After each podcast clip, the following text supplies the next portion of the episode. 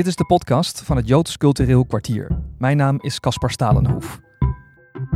Er is een anekdote over Bob Dylan uit 1972, waarin de zanger voor zijn huis in New York een journalist betrapte die zijn vuilniszak aan het doorzoeken was. Dat deed die man blijkbaar al jaren. Tussen de afgedankte spullen was hij op zoek naar verhalen. Hij zelf noemde het garbology, dus de wetenschap van afval als basis voor journalistiek. Maar niet alleen van beroemdheden is het huisvuil interessant. Deze aflevering gaat over hoe wij allemaal omgaan met afval. We gooien weg wat we waardeloos vinden en het kan niet veel later voor iemand anders weer van belang zijn. Je bent wat je eet, zeggen ze wel eens, maar je bent eigenlijk ook wat je weggooit.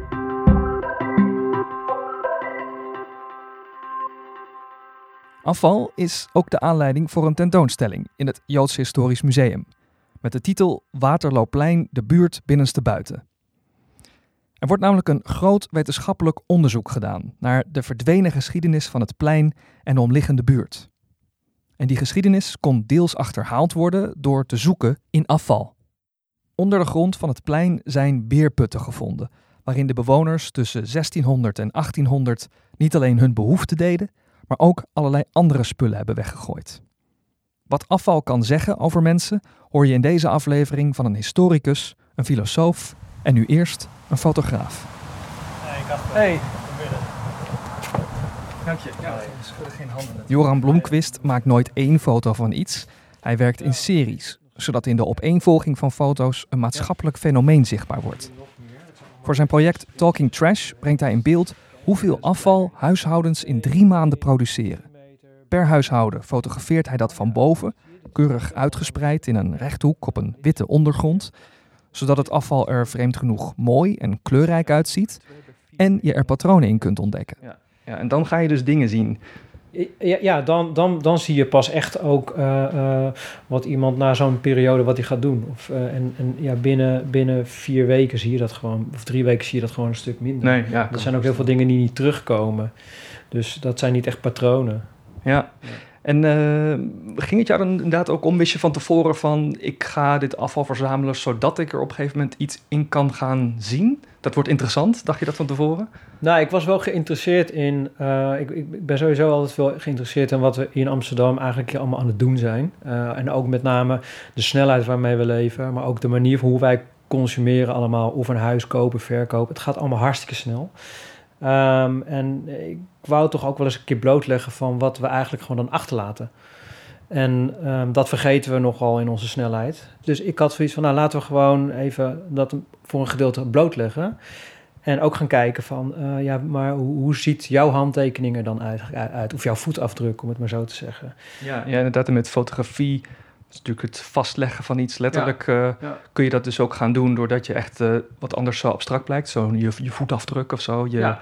Ja. Hoe zeg je dat ook alweer? Je, de carbon footprint noemen ze het in Engels. Dat ik nou ja. weet je, dat, maar dat is natuurlijk best wel, wat is dat? Dat zijn cijfertjes ja. natuurlijk. Nou ja, in, in, in dit geval ja, is het gewoon heel duidelijk, gewoon visueel. En kan je zien van waar iemand voor staat. Eigenlijk. Precies, ja. ja.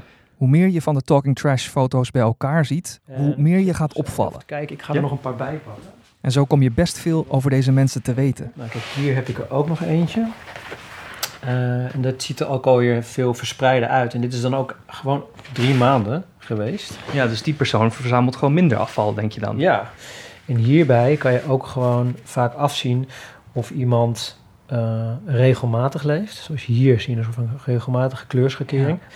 En deze is ook redelijk regelmatig. En deze Ja. ook. Maar bijvoorbeeld als je deze ziet, kan je hier een soort van definitie uithalen van... Ja, dat is grappig. Ja, inderdaad. Dan valt het inderdaad op. Je hebt natuurlijk geprobeerd een compositie te maken met terugkerende dingen, maar Ja. soms lukt je dat dan blijkbaar niet Nee. zo goed. En dan, en dan vraag je ook af van, oké, dus dan eh, er is iets waardoor, waardoor je dus geen regelmaat hebt. Maar ja, dat, dat blijkt ook maar weer als je dus langer met die mensen eh, gaat praten, dat die gewoon, eh, dat zijn twee vrijbuiters, die ze zijn eigenlijk gewoon altijd, die hebben geen vaste ritme, die hebben geen vast werk. Het zijn twee freelancers. eh, dus dan ga je overal eten, je eet vaak buiten de deur. En als je iets nodig hebt, dan koop je het ergens. Maar dat kan ook gewoon in zo'n hoedanig zijn van hoe jij je voelt, dat koop je op dat moment. Ja.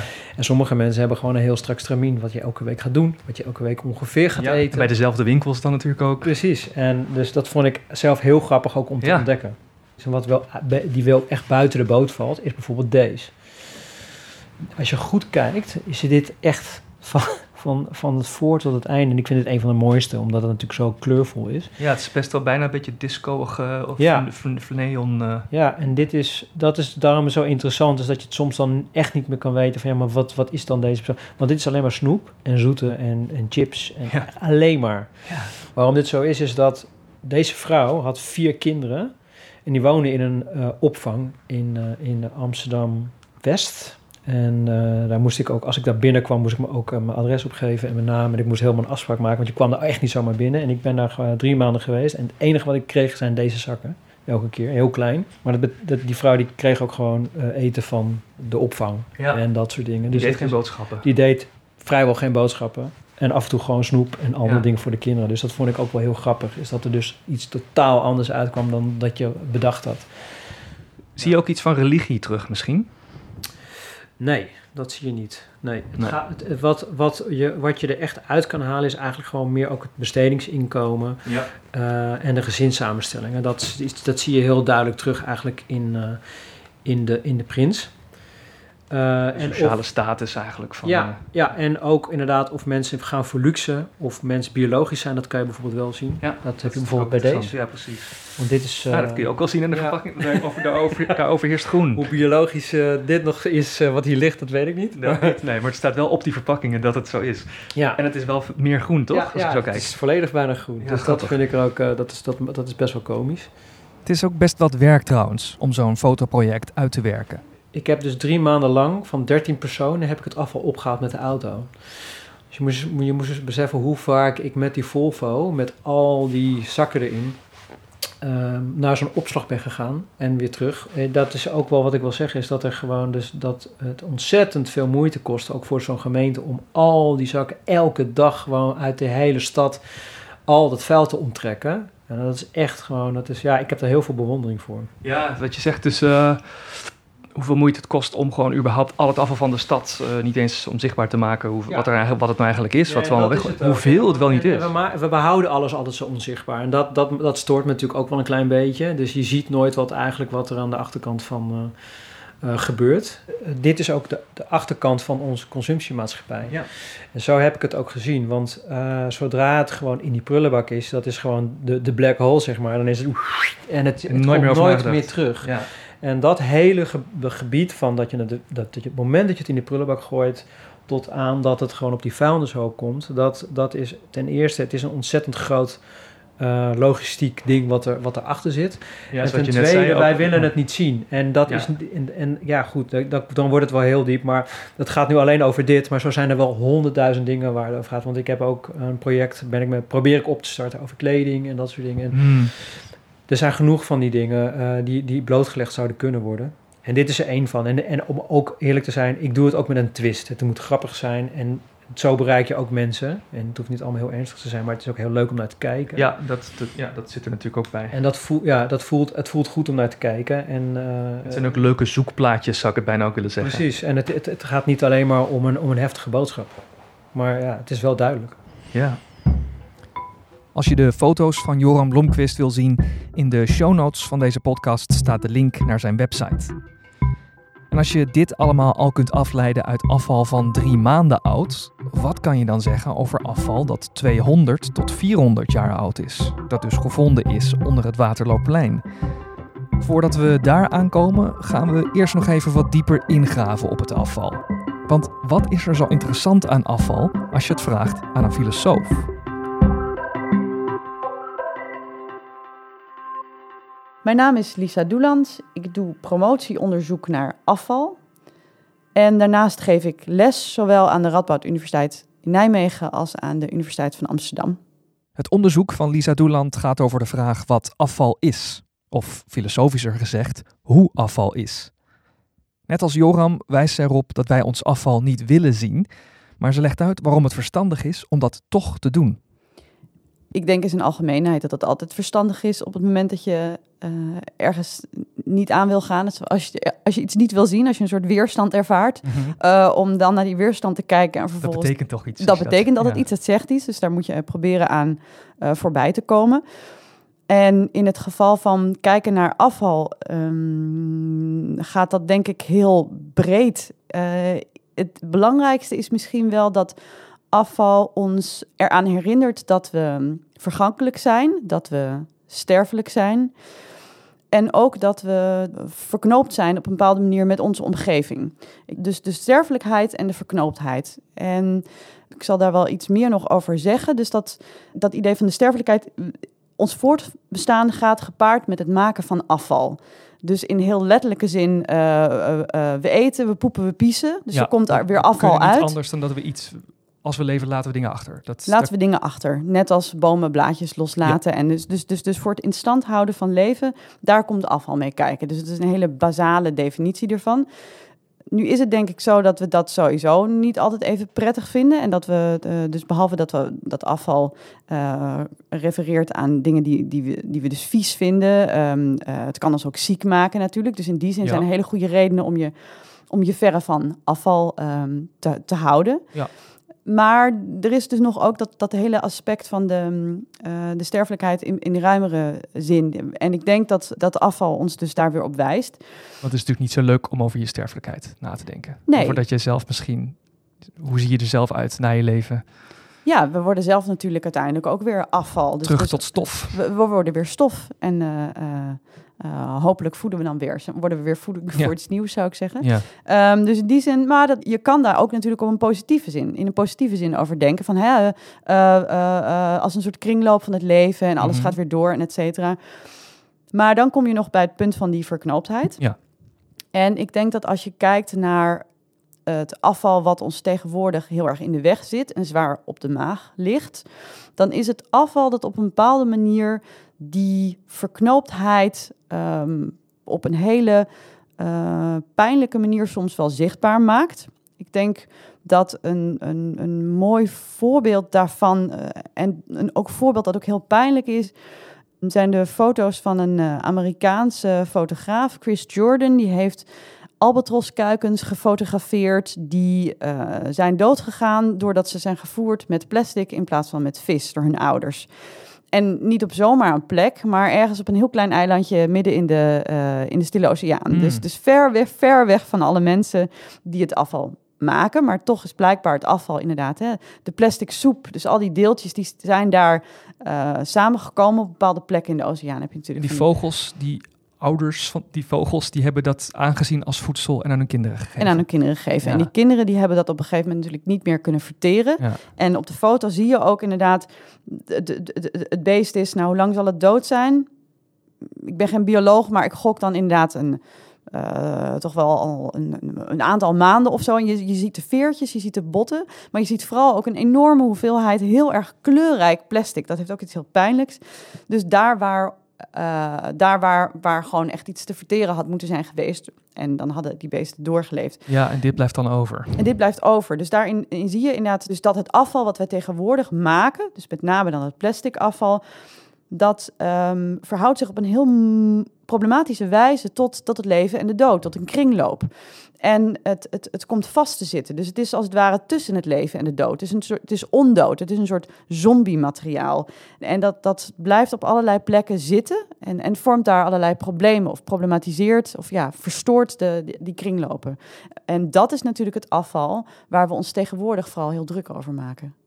Ja, of zouden moeten maken. En zouden moeten maken. ja, precies. Want we proberen dat afval niet alleen onzichtbaar te maken, het lukt ons ook. Maar ondertussen zorgt het voor problemen ver van ons vandaan, bijvoorbeeld bij die albatrossen op een eiland in de Stille Oceaan. Als wij iets weggooien, houdt het voor ons op te bestaan. Uh, dus inderdaad, met het openen van de prullenbak of met het weggooien van iets, uh, vindt een soort overgang van, van, van, van het persoonlijke of van het private naar het onpersoonlijke ja. of, het, uh, of het publieke. Maar vooral eigenlijk het, het onpersoonlijke. Het, het anonimiseert als het ware. Het wordt weer onderdeel van het grotere geheel. Uh, behalve dus, als ik eerder opmerkte, dat het onderdeel worden van een groter geheel. In die zin van de kringloop van het leven en dergelijke. Daarvoor geldt dat heel veel afval wat we tegenwoordig maken zich daar niet echt voor leent. Nee. En dat proberen we natuurlijk op te lossen met recyclingmogelijkheden en dergelijke. Deden we altijd al. Recycling is ook al uh, nou ja, zo oud als het afval als het ware wat we maken. Mm -hmm. Maar daar gebeurt inderdaad wel iets, iets heel geks. Dus in het, ja, in het weggooien, in het in de prullenbak stoppen, verdwijnt het heel snel naar heel ver weg. Terwijl dat in het verleden uh, anders was. Dus, dus echt afvaldiensten en dergelijke kwamen in de 19e eeuw op. Op sommige plekken ook eerder. Hè? Altijd binnen steden natuurlijk. Dus binnen steden probeerde men andere dingen met afval te doen. Maar eh, eerder was het zo. Ik las, las vandaag nog iets over een Griekse stad. Ik ben even kwijt welke stad het nou was. En die historicus die zei ja, wat je daar zag was dat het ook binnenshuis vaak een beetje naar de hoekjes werd geschoven. Maar het was er nog wel een beetje, maar nou, een beetje weg. Maar op een gegeven moment was er dus ook binnenshuis wel zoveel. Maar dan, dan, dan werd er gewoon een nieuwe vloer overheen gelegd. Uh, en dat dan net zo vaak tot op een gegeven moment de deurpost... Het moest, moest de deur worden aangepast en dergelijke. Maar het bleef wel dichterbij. En ook binnen steden. Steden die, die hoogten steeds op. De steden werden steeds hoger. En dat doen wij dus anders. En daardoor neemt het afval volgens Lisa een andere gedaante aan. In onze beleving bestaat het niet meer, maar ondertussen is het niet echt verdwenen. En daardoor zal het ons vroeg of laat en soms van grote afstand toch weer komen bespoken. Want Lisa zegt dat afval, door de manier waarop wij daarmee omgaan, spookachtig wordt. Spoken gaan altijd over iets uit het verleden wat niet is opgelost. Er is iets ja, er, er is iets uit het verleden dat terugkeert, wat de aandacht vraagt. En in die zin denk ik dat we ook uh, over afval kunnen denken als een spook. Namelijk, ja, het is iets wat um, vaak dan van ons eigen verleden, is iets ja, wat, nog, wat nog om een antwoord vraagt of wat om aandacht vraagt. En waarvan we inderdaad dachten dat het, dat het zou verdwijnen, dat het weg zou gaan. Uh, dat willen we ook graag. Uh, spoken, die, die hebben we ook liever, die moeten wieberen. Ja, maar ja, eng. Die vinden we eng. Um, maar dat, dat doen ze niet. Ze, komen, ze komen ons bespoken, ze komen nog ja. ons aan. En meestal is het zo met, met, met spoken en monsters dat zodra je nou ja, het aangaat, als het ware, dan, um, dan houdt het spoken ook wel op. Bijvoorbeeld bij die albatroskuikens, als je het goed bekijkt, zie je dat het een samenraapsel is van plastic uit allerlei gebieden. Maar het is ook bij elkaar gekomen uit verschillende tijden. Ja, dat, dat plastic is misschien ook al hartstikke oud. Er is ongetwijfeld is daar ook onderzoek naar gedaan. Dus als je kijkt naar wat zich in uh, op de plek bevindt van waar ooit de maag was van het albatroskuiken, want die is inmiddels natuurlijk al wat voor plastic is dat dan allemaal? Dus waarschijnlijk is het plastic van een jaar geleden, maar misschien zit er ook wel plastic in van nog helemaal in het begin of zo. Heel oud plastic, mhm. al 60 jaar oud. Nou, dus dat balt zich daar allemaal samen. Um, en door daar naar te kijken en je dus vragen te stellen, wat, wat, wat betekent dit dat dit gebeurt? Wat zegt dit over de mensen, onze cultuur die er heeft geleid dat het allemaal, dat het is weggegooid, dat het is rondgaan, spoken, rondgaan, ja, in, in oceaanstromingen terecht is gekomen en zo tot spookachtig afval heeft geleid dat een samenraapsel is uit verschillende plekken en verschillende tijden. En daardoor vergt dit afval aandacht die voorbij het hier en nu gaat. Maar op het moment dat je dat niet meer wil zien, dat dat zo is, en dat je alleen maar je aandacht richt op, op het heden, op wat er hier en nu is, op wat jij hier en nu wil, op wat jij hier en nu besluit uh, om weg te gooien, omdat jij daar, nou ja, omdat je dus uh, een soort... Gewoon wil consumeren of gewoon wil leven zoals je leeft. Ja, verheerlijking noem ik dat dan naar een Australische filosoof die het had over presentism. Dus verheerlijking, dus alleen maar je richt op een Alleen in het nu wil uh, Alleen leven. in het nu wil leven op allerlei manieren. Dan, dan uh, wordt je relatie met afval dus ook problematisch en dan wordt het spookachtig, zou ja, ik zeggen. omdat het dan dus ook vanuit het verleden naar het heden weer gaat. Het heeft namelijk consequenties. Ja, en, daarom het, het is, gaat je gewoon blijven achtervolgen. Ja, en, en dus uh, dat wij eten en poepen piezen om voor te bestaan, dat is niet zo problematisch. Dat wij allerlei dingen met um, plastic doen, met elektronische apparaten die heel ingewikkeld zijn, die niet meer uit elkaar gehaald kunnen worden makkelijk, die we moeten dumpen op plekken, ja. radioactief afval, dan, dan, dan wordt het wel een probleem. En dat doe je als je je dus alleen maar op het heden richt en je niet afvraagt uh, wat er in de toekomst met dingen zal gebeuren, wat er van zal komen. Ja, dus zo vergeet je inderdaad zowel het verleden als de toekomst. Ja. ja. Waar dingen vandaan komen en waar ze naartoe gaan. Ja.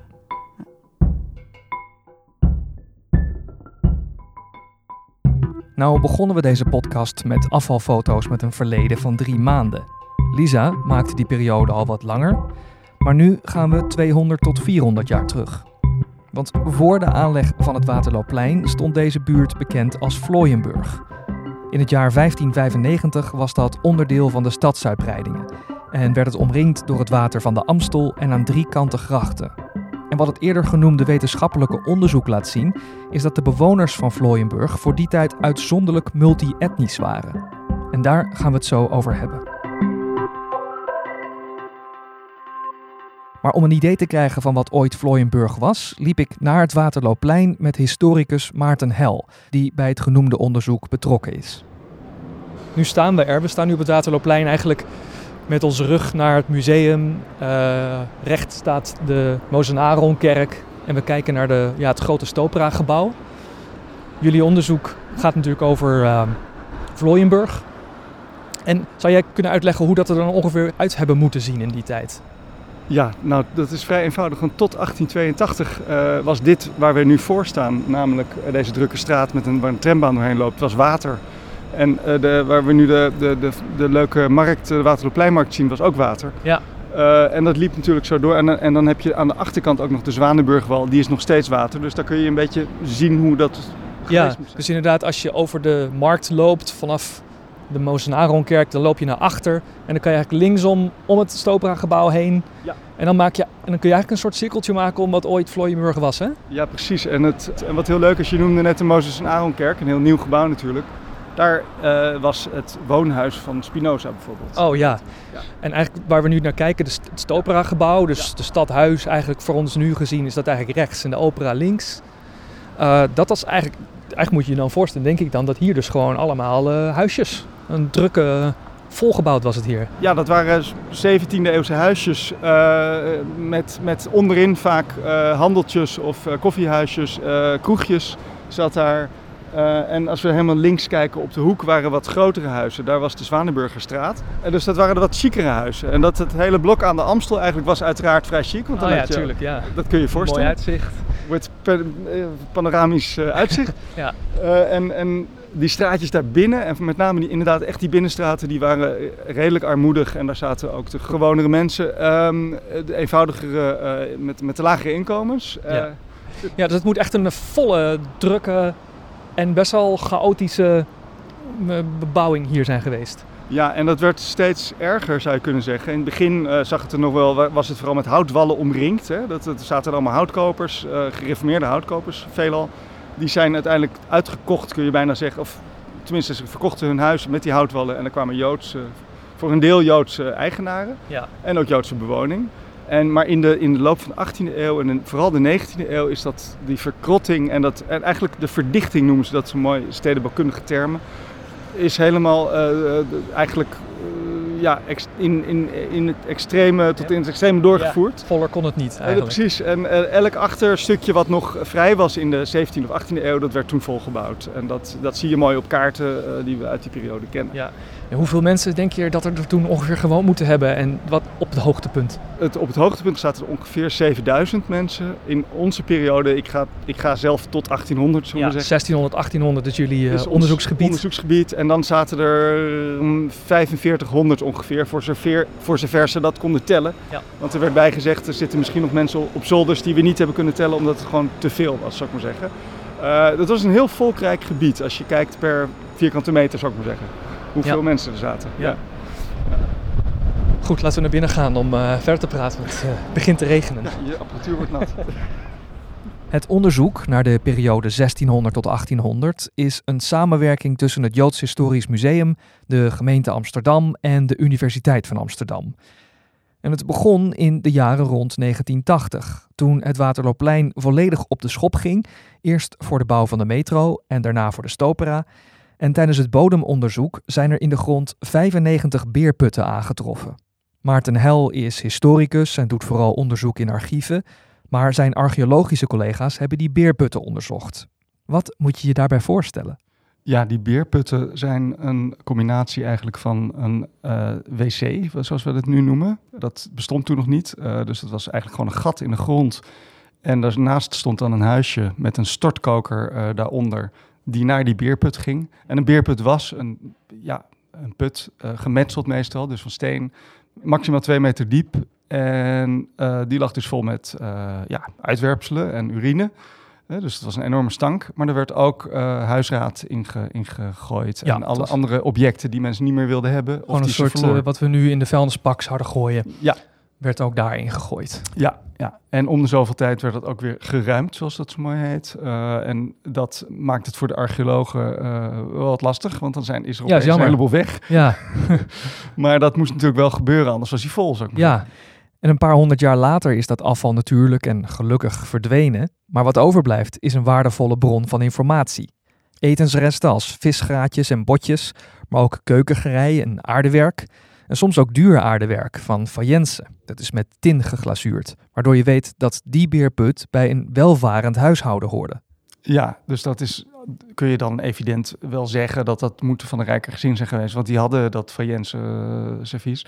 Maar de archeologen vonden ook, uh, vinden ook scherven van uh, minder uh, hoogdravend karakter, zou ik maar zeggen. Allerlei soorten potjes en Potjes, dingetjes. de bekende waterpotten wat, en wat tevens pispotten zijn eigenlijk. Oh ja. En om maar even terug te gaan naar die ja. beer. Um, eh, dus er wordt van allerlei gevonden. En uh, wat een deel van wat de, de archeologen doen, is het proberen te kijken wat voor uh, ja, identiteit had dan de eigenaar van het object. Ja, kun je daaraan zien van wie het is geweest of wat voor soort persoon dat was? Precies, en met name voor dit onderzoek gaat het dus heel erg van, waren dat uh, Joodse bewoners die dat hebben weggegooid, omdat het, nou ja, voor, bij een Pesach-bord wat er is gevonden onder andere, is dat vrij evident. Ja.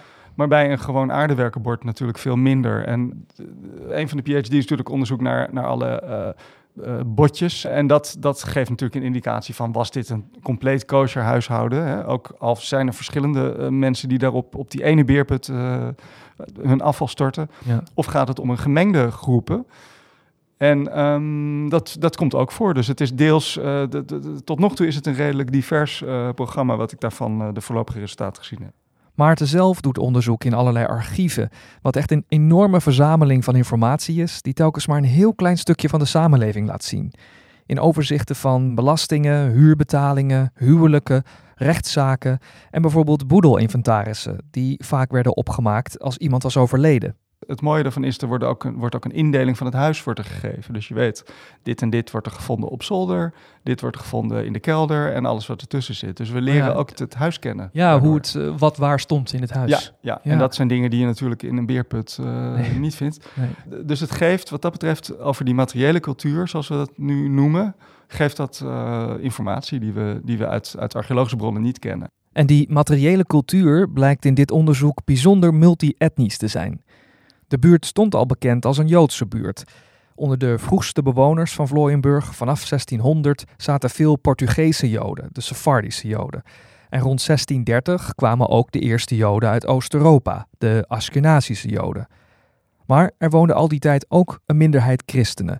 Rond 1800 was dat 20 procent toch een uh, ja, grote minderheid. En die minderheid was, eh, van niet-Joods was nog iets groter aan het begin van de, van de eeuw. En er zaten vrij veel Lutheranen ook bijvoorbeeld, uh, wat wel verbazingwekkend is, vond ik zelf. Uh, maar dat waren veel dienstmeisjes die daar zelf kwamen en die, en die gewoon heel goedkope huurwoningen zochten. En die kwamen dan op Vlooienburg terecht. Ja. En vaak in dienst bijvoorbeeld bij uh, Sephardische Joden. De creatie van Vlooienburg kwam natuurlijk op een bijzonder moment.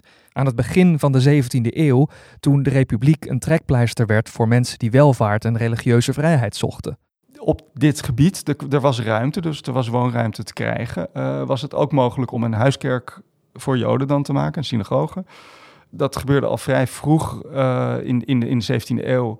Ontstonden er zelfs drie uh, synagoges op deze plek, um, of in rond deze plek. Ja. En daardoor werd het aantrekkelijk voor Joden om daar te gaan wonen. Er zaten anderen. En nou ja, dat is het begrip kettingmigratie. Op die manier uh, kwam je daar terecht. Ja. En er was dus heel veel, heel veel ruimte nog. En dat, die stad was verder namelijk heel erg dicht bevolkt, dat ik ja. bij moet zeggen. Dus het was een plek eigenlijk heel dicht in het centrum, waar gewoon heel veel uh, ruimte was. Waar ineens dus, die ruimte ontstond. Dus het was heel ja. aantrekkelijk voor zowel voor lagere inkomensgroepen als voor die hele rijke, nou ja, deels Sephardische Joden, maar ook rijke, rijke gereformeerden. Die hadden, bijna iedereen had dienstpersoneel in, in huis. Je had ja. altijd wel een knecht of een, of een meid, uh, zoals het noemde. Uh, wat wel heel exotisch is, is een aandeel dat meekwam met Joodse kooplieden vooral van zwarte mensen uit de koloniën van die tijd. En ja. um, Dus Portugese kolonie zou ik maar zeggen. Hè? Dus Brazilië, et cetera. En die kwamen mee, mee hier naartoe. en daardoor is er dus een kleine zwarte populatie ook. En die wonen deels dus op Vlooienburg. die vinden we in de bronnen terug. En er is vrij veel onderzoek, wordt er momenteel naar gedaan. Dus nou ja, maar dat was wel echt een, een piepkleine gemeenschap. Uh... Ja, maar ze, die waren er dus ook. Ja. En, dat, en die zal je dus in de rest van Amsterdam uh, niet hebben. En, die, en zeker die combinatie van al die groepen. Dus als ik het zo hoor, is dat vrij uniek, denk ik, dan op Vlooienburg geweest? Nu zouden we dat multi-etnisch noemen. En uh, dat was wel echt heel opvallend. Want er zat ook een, een groep Engelsen bijvoorbeeld. Uh, je, had, je had de Engelse kerk, zat daar. Dat was een complex, dus heel vroeg van, van Brownisten. Wat, wat, wat een afsplitsing is eigenlijk. Nou, niet een afsplitsing, maar die zich keerde tegen de Engelse gereformeerde... of de Anglikaanse kerk. Ja, de Pilgrim Fathers waren ook dat soort mensen. En die hadden dus een, een, een kerk op dat Vlooienburg ook. er ook nog bij. Dus dat zat er ook bij. Je had Walen, uh, kom ik tegen. Uh, een, een, een, verdwaalde remonstrant ben ik ook tegengekomen. uh, maar je, je vindt dus ja, van allerlei mensen die... Ja, deels omdat ze daar werkruimte konden vinden. Deels omdat ze woonruimte konden vinden. Er waren vrij veel industrietjes. mensen werkten als arbeider in bijvoorbeeld de suikerraffinaderij. Uh, of bij de boekdrukkers, uh, die hadden personeel nodig. En dat ook Joodse boekdrukkers hadden dus uh, christelijk personeel. Oh ja. En bijvoorbeeld is dat een brouwerij en die had weer Joods personeel. Dus het werd, er werd wel samen gewerkt, laat ik het zo zeggen. die, ik denk dat in, op het privéterrein dat er redelijk veel afzondering was. Dus dat mhm. mensen naar hun eigen kerk gingen, hun eigen gebruiken hadden, hun eigen vriendenkringen. Maar, dat is ook waar wij een beetje van uitgaan misschien, dat mensen zo leefden. Ja, uh, dus mensen bleven binnen hun eigen groep, maar werkten wel samen. Ja, als je werk nodig had, dan ging je natuurlijk ook bij een Joodse baas of een, of een als, je, als je Jood was bij een, bij een christenbaas, dan ja. als je maar werk had, zou ik maar zeggen. Want dat is, dat is een van de dingen waar ik als historicus uh, mee, mee, in geïnteresseerd ben, is hoe, in hoeverre die, ja, in, met een Engels begrip communities, en wij noemen het dan gemeenschappen, mm uh, in hoeverre die samenwerkt, uh, samenleeft. en, want ze wonen ongelooflijk dicht op elkaar, dat hebben we net gezien buiten. Ja, zo klein was het eigenlijk. Want het, als je moet je daar 4500 tot 5000 tot 7000 mensen, dus in de, in de, in de 20e eeuw, eh, voorstellen die daar allemaal woonden. Dat maakt dit kleine gebied zo bijzonder. Met mensen uit Portugal, Oost-Europa, Scandinavië, de zuidelijke Nederlanden, Engeland en nog veel verder weg, die hier samen woonden en werkten. Bekende bewoners zoals Spinoza waren natuurlijk al langer in het vizier, maar Maarten probeert ook zoveel mogelijk minder bekende mensen te traceren. Daarvoor zijn rechtshistorische bronnen bijvoorbeeld ook interessant omdat de conflicten die daarin beschreven zijn telkens kleine inkijkjes geven in het dagelijks leven op Vlooienburg.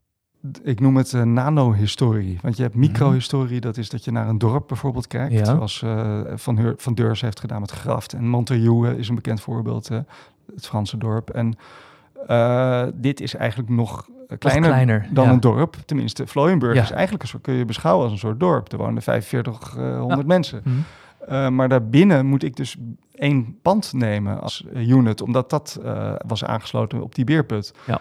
Uh, misschien twee panden zelfs. En daarbinnen moet ik weer kijken wie dan, was dan het individu dat er woonde in een bepaalde periode. Het zijn eigenlijk steeds meer puzzelstukjes die Maarten en zijn collega's bij elkaar verzamelen. Zij gaan tot het jaar 1800, maar bij ons in het museum gaat de tentoonstelling verder tot en met de 20ste eeuw waarin natuurlijk de Tweede Wereldoorlog een einde maakt aan deze levendige en voornamelijk Joodse buurt. En die buurt wordt niet herbouwd, maar gesloopt. En dan verrijst vanaf 1982 de Stopera, waar destijds lang niet iedereen blij mee was. Daarom vind ik het juist zo belangrijk dat wij met dit project proberen die zowel voor oorlogse, maar ook voor de 19e eeuwse periode, waarin zo ongelooflijk veel belangrijke ontwikkelingen zijn geweest. Het is allemaal op dat rare kleine gebiedje waar we net hebben staan kijken, is dat allemaal gebeurd. En uh, zoveel mensen hebben daar gewoond. Uh, iemand als Spinoza ook, maar ook de, de gewone uh, Sefard, Ashkenazim, et cetera. Ja, om die mensen weer een gezicht te geven, dat vind ik een, een, ja, een heel belangrijke taak voor een historicus. En te laten zien wat voor mensen zaten er, hoe leefden ze samen en wie waren het. En het gebeurt niet zo heel vaak als je in Amsterdam met aan iets werkt, dat, het er, dat er helemaal niet, niet meer een gebouw of iets is wat eraan herinnert. Ja. Dat motiveert mij wel extra om, om daar iets uh, ja, van te maken. Ja, ja en, dus dit, en daarom moet je dus ook eens in die archieven en moeten jouw archeologische collega's dus in de grond zoeken. Omdat er dus gewoon Hier is geen er zijn geen gebouwen van over. Of zijn gebouwen. En, en mensen en andere dingen om je op te baseren. Nee, nee dus het is echt heel veel. Het vergt heel veel ja, onderzoekskwaliteit en, en ook een heel klein deeltje fantasie. Om dat dus opnieuw tot leven te wekken. Die, die, die, die wijk die zo is ja, is veranderd in de, in de loop der tijd en uiteindelijk gewoon helemaal vernield is en verplaatst door een, uh, door door een stopera die er nu nog steeds staat. Ja. De geschiedenis van het Waterloopplein, van Vlooienburg tot Stopera, is te zien in het Joods Historisch Museum tot eind februari 2021. Dit is het einde van deze podcast. Mijn naam is Caspar Stalenhoef. Heel veel dank aan de gastsprekers in deze aflevering: Maarten Hel, Lisa Doeland en Joram Blomqvist. En in de show notes van de podcast kun je links vinden naar hun werk en naar een aantal van de voorbeelden die ze hebben genoemd.